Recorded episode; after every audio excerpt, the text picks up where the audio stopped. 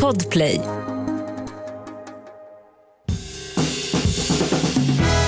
Och god mat, det kan ju vem som helst laga, bara man har bra ingredienser. Och så smör förstås. Välkommen till dagens podd, Victoria. Tack Jessica. Det känns alltid konstigt att jag, alltså, det känns ju som att jag är liksom hemma hos dig, eller vad man ska säga, eftersom du jobbar här Ja. på Podplay. Ja, och du har, som du sa innan, aldrig haft ett jobb. Ja. Ja, du är det- i vårt hus nu. Ja, Ja, det är mitt första jobb. Exakt. Praktikanten Jessica. Nej, men jag har ju, det var ju väldigt länge, jag har ju haft jobb, men eh, det är ju, alltså, jag var ju 21 år när jag var med i Sveriges Mästerkock. Ja, Och det var liksom innan dess som jag jobbade. just det. Och man tog studenten när man var 19 så det är inte en skitlång karriär jag haft i, innan jag blev egen. I den vanliga världen. I den ja. vanliga världen där man måste förhålla sig till kollegor och inte bestämma allt själv. som föranledde mitt, mitt... Jag har aldrig haft ett jobb. Jag förstår. Ja. Men eh, nu har jag ju ett jobb här. ja, Varje dag har jag en liten podd. En liten podd. Och det är sjukt mysigt. Och jag vill jättegärna fortsätta ha den här trevliga podden och hänga med dig Ja, varje dag. Så att, eh, tipsa gärna andra om podden om det är så att ni lyssnar. För vi behöver faktiskt komma upp lite i lyssning. mm, Det är det som är faktum. Att vi behöver göra det om vi ska kunna fortsätta med den här podden. Och jag kan själv tycka att det är ganska trött när man lyssnar på poddar och folk säger så för att man kan bli lite så här, ja ja, who cares? Men sen när den här podden man lyssnar på helt plötsligt är borta ur biblioteket, Ja, då ångrar man lite att man inte gav ett litet tips. Eh, så att gillar ni oss så tipsa gärna loss om vår podd. Eh, det är ju så att vi har lagt märke till att ni tycker det är lite läskigt att ringa till eh, telefonsvararen. Så att den här veckan så fick ni istället ställa era frågor på Instagram och då rasslade det till. Mm. Och det är ju kul. Och eh, här det var ju mycket gulligt som har hänt i den här lilla ja, tråden. folk är så fina. Alltså, det är också det. Liksom, prata med varandra i Ja, det här lilla Vi communityt. kanske ska göra liksom en Facebook-sida också där folk kan Ja. så här, bli kompisar. Lägga upp bilder på sina Men rätter. det här var så gulligt att jag vill läsa upp det för det var i kommentarsfältet här. Då var det en person då som efterlyser ett recept på björnkaka. Ungefär som en sockerkaka med kanel och kardemumma i. Men kakan blir smulig och går sönder. Har du något recept på björnkaka? Bonus hade varit att få reda på varför det heter björnkaka. Har googlat men finns inte så mycket om denna kaka på nätet. Jag har aldrig hört talas om det här Ett mysterium. ett mysterium. Men då är det en annan trevlig kvinna som har gått in och svarat. Jag bakar björnökaka. Låter som samma sak. Min favoritkaka sen barndomen. Borde komma från något ställe som heter Björnö. Min brukar inte bli smulig. Kan skicka över receptet om du vill. Och den andra svarat. Ja, skicka gärna receptet. Nej. Så gulligt tycker jag. Och så mysigt. Alltså, och skönt för mig att ni löste det själva. ni, ni tog hand om det här för att jag, Ja. jag har aldrig hört talas om den här björnökakan. Det var det om det. Men jag har också en fråga. Yes. Eh, men innan jag drar den så tänkte jag fråga dig. Oh. Din relation till fruktsallad. Oj, spännande. Mm, det känns som att det, det är alltid lite fel ratio i fruktsallader. Eller som att man aldrig riktigt får det man vill ha. Nej, You're never satisfied.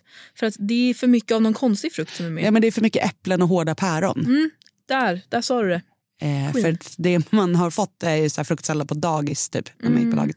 Ja, men då är det mycket hårda, jättehårda päron, äpplen och så typ banan som är för mjuk. Ja, och så blir det liksom en gegga med bitar i. Mm, inte gott. Nej. Men dagens fråga lyder. En fräsch och lättsam men ändå julig dessert efter julmaten som är enkel att förbereda. Och då var det nämligen så att eh, när jag var liten så firade vi alltid den 23 hemma hos min farmor. Mm. Och eh, då var det klassiskt julbord och sen så var det alltid fruktsallad. Okej. Och så fort jag blev kanske 8-9 år började jag ju lägga mig i matlagning ja. och styra och ställa och så här, farmor jag kan åka hem till dig några dagar innan om du vill. Hjälpa till. Eh, för då eh, var det just den här fruktsalladen som jag eh, kände att jag skulle styra upp. Du tog upp striden helt enkelt med fruktsallad. Ja, på ett väldigt subtilt sätt. Eh, för det som är viktigt med en fruktsallad det är att bara ha i god frukt. Ja, Alltså rimligt. strunta i päron, äpple och banan. Det är inte festligt, det är mellanmål. Mm. Men det som är festligt, det är ju så här, eh, alltså mango, ananas, hallon, vindruvor, apelsinfiléer. Allt sånt där som är Kiwi. Ja. exakt. Du sa det. Granatäpple. Mm. Så här, bara god frukt, steg ett. Den slantas upp i en jättestor härlig skål. Och sen så kommer det till det viktigaste. Och det är att den här frukten ska marineras i en kryddlag. Va? Yes. Och då tar vi en vaniljstång, kärnar ur hela stången. Sen har vi en kanelstång, en deciliter ljust muscovadosocker, en deciliter vatten, en deciliter gula russin och en halv deciliter rom. Rommen, såklart optional, men väldigt gott. Vill man då inte att all, alltså man kanske vill ha romsmaken men inte alkoholen, då kan man låta den koka lite grann. Mm. För det vi ska göra är att vi kokar upp alla ingredienser till den här eh, fruktsalladen. Och då väljer man ju då, ska rommen koka med eller har vi den på slutet? Mm. Beroende på hur spicy man vill ha sin fruktsallad. Sen häller vi över den här lagen på frukten och så låter vi den stå. Antingen så här att man gör den på eftermiddagen och käkar lite senare på kvällen. Men låt den gärna stå ett gäng timmar. Man kan också göra den dagen innan. Här blir jätte, jättegott. Och till det här har vi lättvispad grädde. Och det är viktigt, inte glass. Mm.